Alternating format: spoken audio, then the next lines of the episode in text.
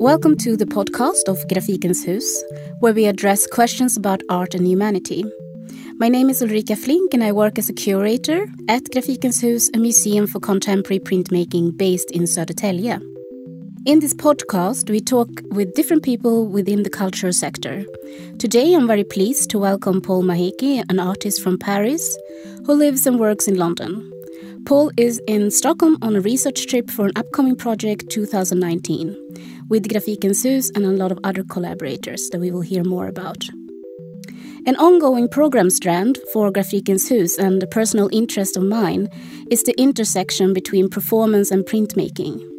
So when freelance curator Rado Istok approached me asking if we could collaborate to develop a new work with Paul, Grafikens Hus were more than eager to say yes. Rado Istok, you are also here today joining me in the conversation with Paul Maheke about his practice. So welcome, Paul, Thank and welcome, you. Rado, Thanks. to Grafikens Hus podcast.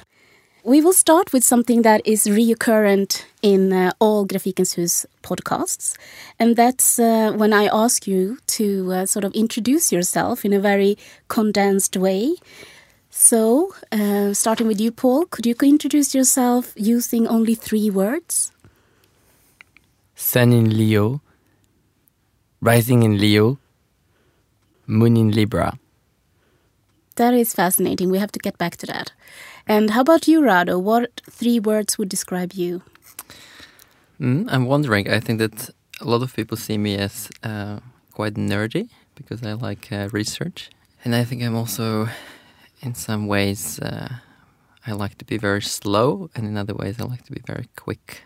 So uh, it's maybe contradictory. Oh, yeah. So nerdy, slow, quick. Interesting. Um, we have to uh, circle back to this at the end. Um, so uh, I'm uh, thinking that we should start maybe Paul from the beginning. And mm -hmm. I don't necessarily mean year one, but uh, maybe we can talk about your background. Where did you grow up? So I was born in France and grew up in a suburb of Paris um, where I decided to study art. Um, at the end of my teenage years, I wanted to become a, a medical illustrator. And so I got accepted into that school called l'École Estienne in Paris, where I graduated uh, in 2000, from which I graduated in 2007 um, from a BA in etching. Um, and then from there, I applied to another art school that was a bit more experimental, École Nationale Supérieure d'Art de Paris-Cergy, um, where I developed a practice that was very much still concerned with the body, um, but was kind of using more drawing and installation as like a primary medium. So, um, do you remember when art sort of entered into your life? So, how did how did you discover art in a way? Uh, it was through drawing uh, in a very simple way. I think, I mean, it's, it's going to sound really romantic, uh, but my grandmother taught me a technique to draw like bird's head. And that's when, when I was like maybe eight or like something like that. And I was also a very crafty kid, so I would always like, craft my own jewelry and and stuff like that. And um, so i guess that's when but it was like mainly throughout. But thinking back to it that's funny that you're asking that. I was on a panel about art education and i realized that also art was for me a way to escape masculine spaces. So from earlier on in my life, I really struggled with masculinity, and and I and I realized that the spaces that were more feminine or considered as were more feminine were the ones of art and literature and and stuff like that. So I that's when I, I kind of started to take like art classes or to center that in my education somehow. So when you uh, arrived at art school, was that also um, did you also sort of experience that as a safe place? Um, I wouldn't say that because then as you grow up, you know that it's not only about gender, but also like about in terms of race and class, it's, it can be pretty violent. And the French education system revolves a lot around class, um, and structures that can be at times very oppressive. So in my first art school, I would I would say like I was very much protected because everybody was coming from the process of selection was made in in some ways that the group of artists was very, very kind of diverse, coming from various backgrounds in terms of class, race, gender, although predominantly white. Uh, but then the second art school, the more experimental one, the fine arts um, one, was way more bourgeois. And mm. um, that was funny to notice that actually. And so i wouldn't say that it was a safe space. And it was actually pretty masculine as well. That's something that i realized uh, in terms of the teachers the tutors that i had the visiting artists. Um, that's also something that i realized later on when I moved to London that I never had actually a tutor of color or even a visiting artist of color. And it was quite questioning um, and troublesome, like to think about it, um, especially given the, the history of France. Mm, yeah. So, what type of strategies did you develop to, um, you know, thrive in this environment? Uh, I think again, it sounds super cheesy, but I think humor was one of my my point, my first point of entry.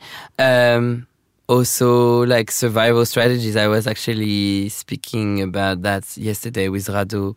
Um, like for example when i arrived at art school in this second art school everybody thought that i was assumed that i was from a rich family because of the way i speak maybe the way i dress and i decided to kind of go with it and pretend that I was a son of a diplomat. I mean, it's very anecdotal, and I don't know why I'm I'm telling you that, but that's kind of I, I guess one of the strategies that I found um, as a way to navigate those spaces. Then now it it has been a bit more different. I think, for example, in my work, there is something that is very important in the performance where um, the voice of the performer whether it's an actual voice like that you would hear in the space or words or yeah some sort of um, manifestation of the voice uh, will always acknowledge the power dynamic between or made it evident like the power dynamic between the, the audience and the performers for example. So that's one of, of the thing that i'm using in my work. For example then as a person it it depends of the situations and and it's still like a kind of a learning process for me anyway because I'm I'm still young uh, in terms of career and the way to navigate those spaces can be kind of tricky sometimes. But by occupying I guess for example the galleries or in the ways in which I operate in the art world for example so by I don't know for example, joining the board of a gallery uh, could be one of the strategies as well. Like there's always something about infiltration, mm-hmm. infiltrating, understanding um, what's at stake. I think it's super important, and for me, I guess. Uh, because it was not given to me, and so the art world is also something I guess, yeah, that I, I didn't grow up with, like, in an environment where art was very present in my everyday life. Like, I think the first time I, I went to a museum was probably when I was like 17 or 16, 17. Quite late. And so, I mean, in comparison to other people. So, like, it can be, it can be many things, yeah. I don't mm, know how, yeah. actually, yeah, to be concise on that one. No, you, it was a really good answer. so I'm wondering if we circle back to uh, printmaking. Paul, when you went to your first art school, you encountered printmaking. What was it with the, the technique printmaking that you found fascinating? I think it was something that, like, for example, just uh, when I discovered the technique of etching, I would see it in books and stuff, but never really investigate what it was. And so, as I said, I was very interested in drawing, and, and that's drawing was the way for me to come about art. Um, and so, I guess, like when I discovered this kind of like um, the capacity, the possibilities that printmaking could offer, reproducibility, dissemination, but also like a different type, a different approach to the materials and, and a different thinking even behind the behind the drawing because the drawing can be very spontaneous. Printmaking rarely can rarely be spontaneous. Um, so that was also like a way to maybe complicate and and and and add a level of sophistication in the work that I was interested in. Um, but the reproductivity or reproducibility, reproducibility of the work was uh, something that I was interested in. The quality also of the image, um, I don't know, the density of the blacks and stuff like that. I was mm. like really interested in that, um, but also the the the diploma that I got was very much oriented towards uh, contemporary art practices. So it was not limiting. It was not limiting in terms of let's say like the core of the the education was uh, etching, and we had like a very technical learning uh, process of all the techniques, um, but also alongside like more a perspective into more contemporary uh, contemporary art practices. So the one of the the main tutors, Françoise Petrovitch, who is a French artist, um, led us to think about it in a in a more expensive way somehow. Um, and so alongside the very technical aspect of the of the um, the, edu- the this education, uh, we also had like some sort of like had to think about concepts and um, yeah, as artists are kind of often thinking of their work. Yeah, because um, we're of course we're sort of firmly based in a digital age. So, what advantage or disadvantages do you see with printmaking as a technique, and how does printmaking come into your practice today? Um, so it's been a long time that I haven't been able to produce any kind of print in terms of, uh, I mean, in terms of etching or silk screen, because I don't have the resources or the facilities made accessible to me. Uh, but yet, like in my practice in recent years, I've used a lot of uh, print, digital prints on on fabric. I guess like I don't know if there's such a divide between like the digital and those kind of more ancestral techniques of reproduction. Um, but or I rather I don't know if I'm interested in that kind of bi- in those binaries, but I think maybe something they do they operate in different ways, and I think they they don't do the same job. Um, and at least for me, um, they don't operate in the same way in my work. Yeah. You made a switch from drawing and, and your earlier works, were, which was focused on self portraits, and now it's more performance and one can say dance and choreography. That is the, sort of the focus. And um, you, Rado, you are. I mean, you have a you're both a curator, a researcher, and editor based here in Stockholm, but you have a special interest in performative practices. So, what was your first experience of Paul's work? Um, me and Paul, I think we started speaking uh, first in autumn 2016 uh, when we started a conversation. I was living in the Netherlands back then, and uh, then the first time I actually saw a performance by Paul was I think the following spring. It must have been spring, I think April 2017 in Paris. And um, at the same time, during that autumn, I was writing my thesis, which was uh, dealing with uh, um, remediation of performance into exhibition. And um, previously, before I finished my graduation project with uh, Wellen, who is a curator from the Netherlands, uh, which was focusing on uh, various alternatives, uh, alternative forms uh, of art education, but also on decolonizing knowledge.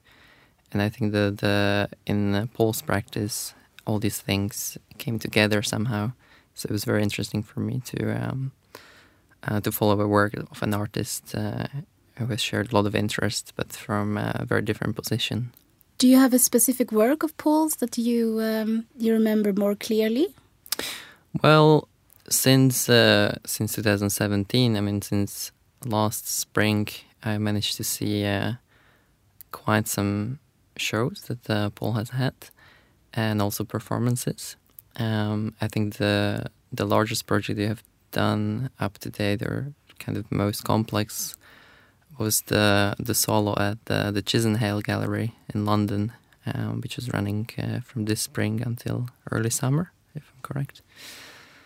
Um, which was a very ambitious project consisting of uh, both an uh, installation or let's say an exhibition that was there over time, but also performances which were structured in three different chapters. So I think that was very um, it was very impressive the the the ambition and the the work put into into this project. But lately, actually, last week I saw a small exhibition of yours in Vienna, uh, which was much smaller and uh, which worked with sound, which is also something that is uh, recurrent in your work. And um, and even though it was very chamber-like compared to Chisenhale show, I think it uh, it really stayed with me. Uh, Paul, if you can describe the formal aspects of your work, the materiality, so we have a, can get sort of an understanding what the components could be. Yes. Um, so I often work across a variety of media. Um, and my exhibitions often combine a lot of things together. So there is often an element of sound, an element of text, of choreography, maybe of performance, but as well as like public events, can even be screenings. So the installations are always made as uh, spaces to open up conversation or discussion. That's also th- my vision of, of, for art. Somehow, art for me or artworks are meant to be discussed or like they're produced in order to be discussed um, and to gather people around, I guess. So um, there's a lot of, in terms of the material that I've been using a lot, there's a lot of fabric uh, and curtains. Um, there's also some strong elements of lighting that have uh, specific colors. Um, the sound that Rado uh, was talking about um, a lot like i'm using a lot of uh, deep bass sound as well. There's all those those um, elements that i'm using at in order to create some sort of like environment. Um, i think there is very much the idea of um, producing an experience or a sense of an experience of a space. That's something that i like to think about. There is this um, aspects of layering uh, within your work or a sort of a maybe a constant transition that things are left untold, things are unseen or perhaps undiscovered. What does the terms like transparency, translucency, or opacity mean to you, and how how does it manifest in your work? You think? Yes, that's those are three terms that are always kind of lingering around, uh, like ghosts around the work.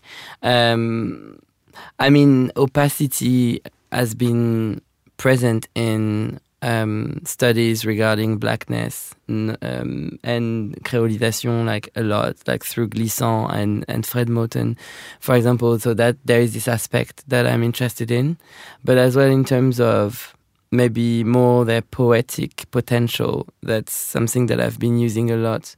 So, for example, in a very recent work that I presented in Paris at Fondation Lafayette, um, I worked with a choreographer, Ligia Lewis, um, based in Berlin, and a DJ and music producer, Nkisi, Melika Ngombe Kolongo, who's also the founder of Non Worldwide, a record label for African artists and Af- uh, the artists from the diaspora.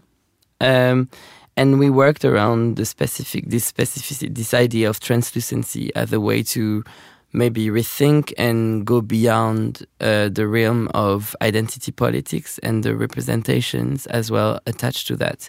So, um, how, as a choreographer, like for example, how translucency can be an instrumental concept, like to position a body on stage, to stage a body, what it means to be, like, for example, a body of color, a queer body on stage um, in front of a predominantly white audience. So for those are the things that we were interested in, and those kind of um, reflections that are brimming with abstraction. I think there is this notion of formlessness as well um, that we are very interested in, um, and so those terms they also manifest uh, in the, the materials that I'm using. So as you mentioned, like there's a lot of layering, uh, and often the layering happens in in the physical space, but also like how I create or I put together the work. There's always like many, many, many layers to the work that um, I may or may not render visible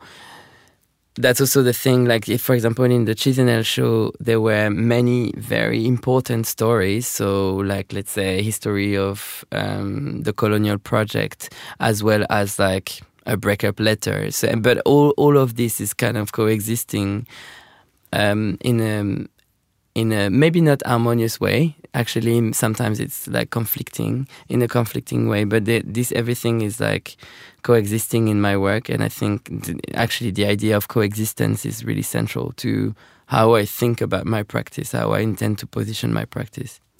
Uh, I find it interesting. You mentioned uh, many times when I've been reading up uh, on your work is that you look at the black and brown body as an archive, both um, a political and an uh, effective art archive. Um, could you maybe talk about how you are using black, or not maybe using, but are you how are you thinking around terms like blackness and queerness as modes of production? Yes. Um, so often I'm um, saying that my work is not about blackness or queerness, but rather is queer and black, um, because those terms are like helping me to rethink about my relationship to space or my relationship to time, but also as as a way to position myself as an artist and to position my practice in regards to its context, its general context. Um, and this idea of embodiment, so the body as an archive, is very, very present. And so it's kind of like a way for me to rethink about knowledge and knowledge production, what is considered as um, the valuable knowledge, what is considered as valid. So, how an experience that may be very embodied and very much um, about the flesh and and like a concrete violence can manifest in um, maybe less tangible ways. So using this term of the archive because the archive is often related to a very material thing, like something that has a specificity in terms of its physical manifestation. I think it was for me a way to kind of dismantle this idea that archiving is not necessarily linear. Uh, archiving is not necessarily about collecting data.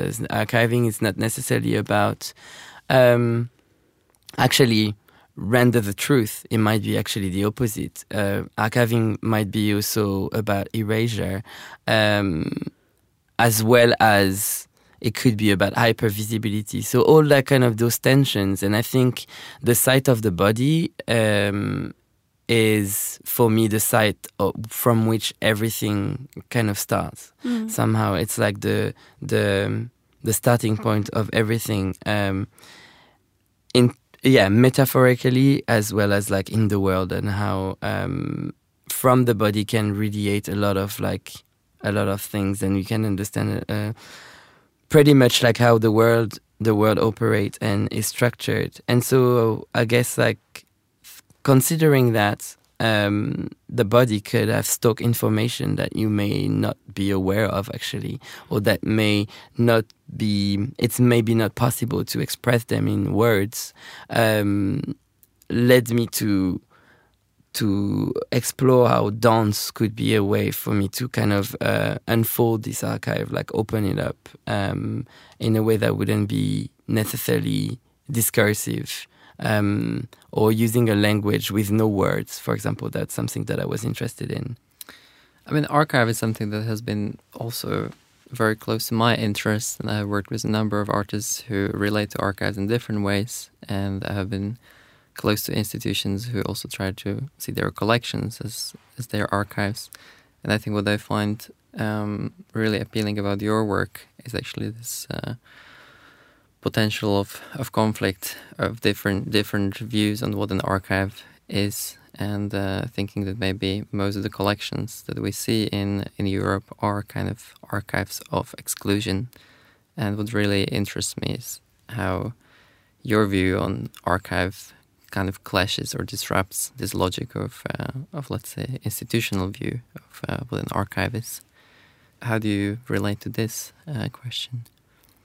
Yeah, it's um, for the longest time I was not interested in collecting. The idea of collecting in Western culture, for me, always equal to erasure, to mm. exclusion, um, to what's missing, what's absent. Um, and was fascinated with the idea of the truth or like some sort of objectivity that I never li- believed in or and so but uh, that was like a very unrefined thoughts. And so, like now that also I'm working with various institutions, I've also noticed that people are trying to collect in different ways, and people are trying to rethink about it um, in regards to the political and social political context that we live in.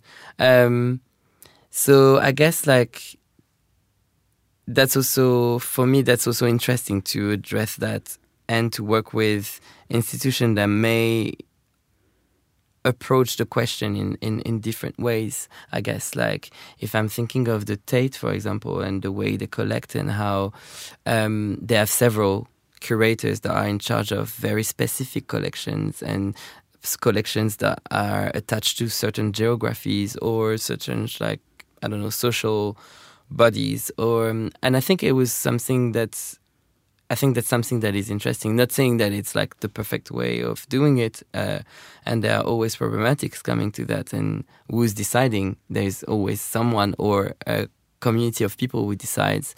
Um, but at least there is less this assumption that it's kind of like the work of archiving is about objectivity. I think the work of archiving is always about subjectivity you were saying that um, the archive might, you know, like could be non-linear, for example. Mm -hmm. There's different ways of archiving. So I'm interested in in the way that you view time, and um, if you could talk about time in your work, and maybe that is uh, in relationship to to terms like non-linear or circular. Yeah, there is actually the the Chisenhale show. Um, try to address time through the idea of queerness, like or blackness. What would be a black conception of time? What would be a black queer conception of time, for example? And so, just to do that, I kind of like backtracked and look at the way I my brain operates and uh, how it's always about again layers and almost like a magma. Like sometimes it's like liquid sometimes it's solid sometimes it's like boiling and sometimes very like quiet and and demure. But there's always an attempt in my work to again overlay different perception of time but also like different ways of experiencing the work so for example in the show in vienna um, the sound piece is made long enough that most of the people would just traverse that traverse the work. They would just stay for like three, five, ten minutes, and the works last for like about over an hour and a half. Um, but some people can also decide to stay longer and experience the work in its full like length. Um, and so I'm always trying to think of the space that I'm creating as space that are also welcoming for that for those experiences. So whether they are short or long, there's always a possibility offered to the audience. And I think like because sometimes art can be very very quick. We're talking about that like when you describe yourself like art can be very into quickness like and uh, rapidity. And i think sometimes it's also interesting to to slow down a little bit or to force people to slow down. And um, I mean not forcing them because I don't believe in that authoritarian view um, when it comes to art. But it's like also how you you allow or you enable people to take time and to actually feel comfortable in an in an art space, for example. Yeah. Um, so if we talk more about that, your relationship to the audience, because early on in your career you were working in the public space, and the audience there was not necessarily aware of the artworks that was happening around them. But now, when you moved into the gallery space, there's a different kind of relationship. In one of your works, you mention um, there's like this line that says um, that you insist that the audience has to be well meant as a witness. Maybe you can talk more about that.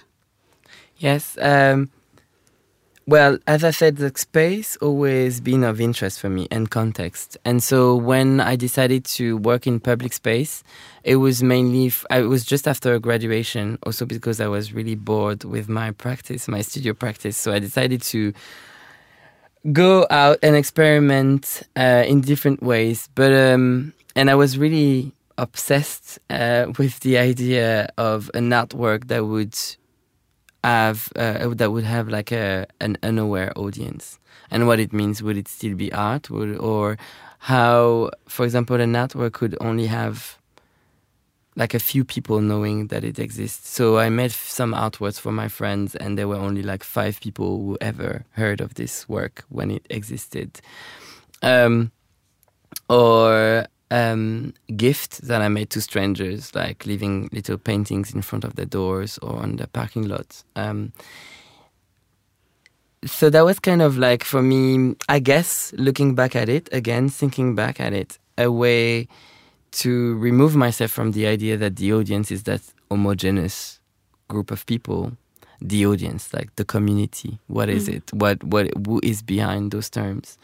Um, and so when I was uh, getting more and more invited in in gallery spaces, exhibition venues, I kept on like working this relationship to the audience. And I often say that my work is trying to is always readjusting the distance between the work and its viewers um, or witnesses.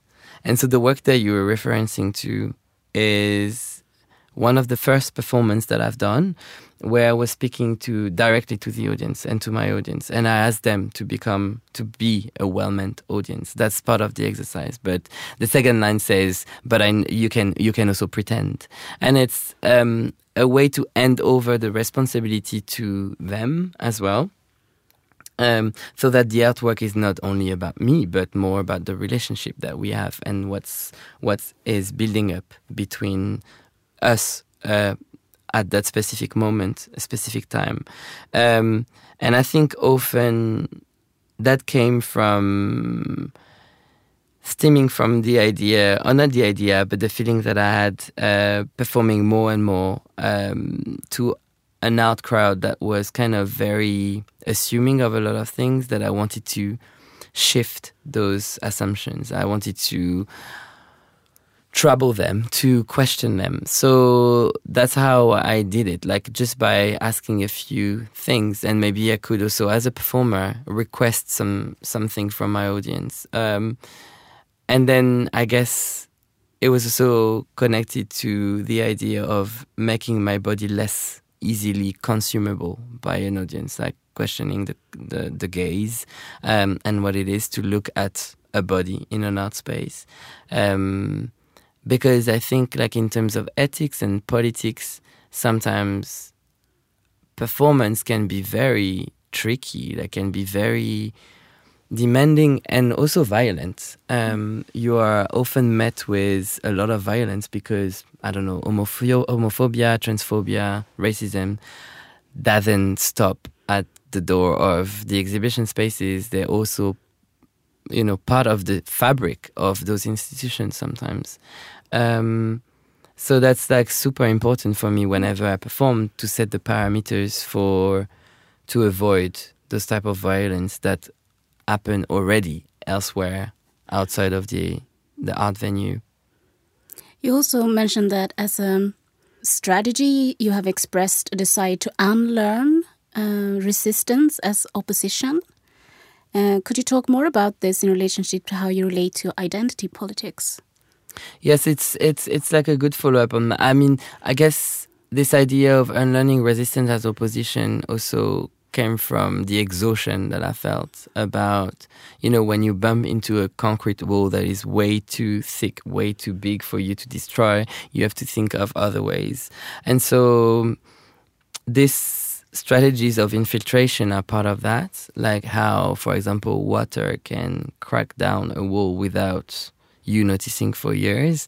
Um, that's uh, why I was also super interested in in in water, for example, and like that's from that idea of unlearning resistance as opposition as something that wouldn't necessarily manifest in um, one thing against the other, um, but in more complex terms that I uh, intended to kind of complicate a conversation around identity politics. And I think the more and more I'm thinking of identity politics, the less and less I can relate to it um, because of its obsession for representations and images that can be um, not necessarily useful all the time. Yes.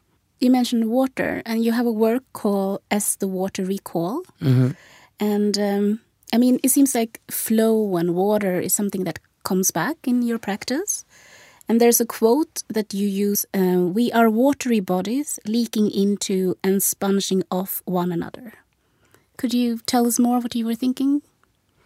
That's a quote from Astrida Neimanis, and it's um, an excerpt of the hydrofeminism text that she wrote in 2012. Um, and leakage is something that I've been interested in as well for a long time. And this idea of things rubbing off of each other, like how, for example, even in my love life, I always tend to think of relationship as an undoing process. Like instead of like a a wheel of doing or making new love, for example, it's like how we undo each other. Um, and maybe from that from that point of view, I think there is something interesting about fluidity and reconsidering also binaries and tropes around um, identity, uh, but also about power dynamics and how we can fuck up a little bit with those things, how we can mess up around um, with those very fixed ideas and conceptions. Great. Um, so, Rado, you are um, the curator of the art residencies and exhibition at Nida Art Colony of Vilnius Art Academy. And uh, you're also the project leader of the project Spaces of Care, Disobedience and Desire, a research project together with Marie Louise Richards and Natalia Rebello. In both these contexts, you have invited Paul to participate, so maybe you can talk a bit about um, Paul's practice in uh, in the context of Stockholm and how you would like to develop it further. Absolutely. So um, I'm uh, um, together with uh, Marie-Louise Richards and Natalia Rabello um, in charge of a project. Uh, is a research project about spatial practices um, of artists, uh, but also architects and practitioners who are minor minoritized in different ways. And uh, we are together trying to understand what is it about space that people who are members of um, minorities um, do otherwise. So um, you mentioned before when you were asking Paul about his education of what kind of tactics uh, he used to find his own space or um, within the school. And I think this is also one of the things that we are interested in, but also the way, for example, um, how Paul has been talking about how he works uh, not only actually with space but also with time. So um, I've introduced Paul's work to uh, to Marie-Louise and to Natalia, and uh, we share an interest in his work. But at the same time, uh, we're still in our research is still in progress. Uh, it will be most probably structured as a series of seminars, and uh, one of them um, would probably, most probably, um, be structured around questions that are very closely dealing with uh, issues that Paul raises in his work. So, um, so that's answer to your question about Stockholm, and then about Nida, it's uh, still also work in progress. But uh, I have a chance to invite five artists for two months residency next autumn, and um, it's a project that uh, is a part of a bigger EU project around conflict and conviviality. And I think what um, I am interested in also departing from my understanding of um, Nida, which is a place on the Curonian Spit in Lithuania. What I'm trying to understand, uh, also through works of artists, is a certain specific approach to mediation, as also as a technique of uh, conflict resolution, but also as a communication between uh, two different uh, um, worlds or two different spheres or two different experiences. And um, I think one example, one recent example also in Paul's work is uh, in the exhibition in Vienna, the barn owl, um, which is, uh, um, if I understood correctly, it is a bird that is also a spirit that travels between um, between the past and the future and between our world and other worlds and uh, brings kind of secret knowledge across this threshold. So, um, um, so I think questions like this will uh, will be developed further during next autumn. I mm. hope. That sort of brings us back to your three words, right? So you're interested in uh, cosmology. What is it within that that fascinates you? Yeah, cosmology, astrology, the occult. Um, I think again, like alternative forms of uh, producing knowledge, like alternative ways of relating to knowledge and um, information. So there's a part of my work that is also interested in the idea of divination, for example, um, but also in the perception that we have um, of that. So what does it say about me when I say that my sun is in Leo, my moon is in Libra, my rising is in Leo? Um, and who have access to that and who or how I choose to make this information accessible and to whom. Yeah, um, yeah, and and the idea of the cosmology, I think it it also um, look back to yeah the, the this idea of the world making uh, that is very present in a lot of like queer thinking how to from the context and the situation we are in, how to reinvent and rearticulate our world. You bring up ghosts. Um, you did that in this um, interview, but also ghosts in a sense of, um, you know, linked to influential, uh, you know, maybe people or concepts within your practice. So, what kind of um, ghosts would you say follows you within your practice? There's a lot of them. Um, yeah, I often like yeah, I started to speak about them in terms of ghosts a while back actually because that's where how they manifested. Somehow they are present but not necessarily visible. Um, so Audre Lorde is one of them. Michael jackson felix gonzalez torres. Um, these are a few ghosts that are recurrent in, in, in the work that I'm producing, um, as well as, I don't know, my great grandmother Shimbu, as well as um, others, or maybe others that I cannot be named yet. Mm. Are you channeling them, or how do you interrelate them? A lot of people have been saying that seeing me perform that I was channeling other type of energies. I don't know. I don't feel like I'm cha- maybe sometimes I feel I channel them, but it's not very it's a still a process. Yes. a learning curve. Of course. Um, so the idea is that in 2019, Paul, you will um, produce a new work in um, Södertälje and also here in Stockholm in collaboration with the Grafikens Hus and, and Rado. Uh, you were visiting Södertälje for the first time uh, yesterday. Do you have any first impressions? A bit, yes. Maybe, maybe stupidly, it reminded me a lot of like a Twin Peaks set, like movie scene. um, but in the sense that it's very like it seems very heterogeneous, kind mm. of like maybe complex histories from what I've I've heard and gathered yeah. Um, and yeah, it gives like interesting space. I, I still can't quite understand how the um, the space is working and how like people are occupying this city. Um, but I've seen like really interesting, interesting uh, initiatives and and uh, spaces. So yeah. yeah. So in uh, fall uh, or winter 2020, mm -hmm. Grafikens Hus will open um, the new museum that we're building at the moment. And uh, this is something that we've been asking our guests actually for advice. So, uh, Rado, what uh, type of advice would you give to Grafikens Hus um, when we're now, you know, embarking on opening a new museum? What type of museums are needed or relevant today, in your view?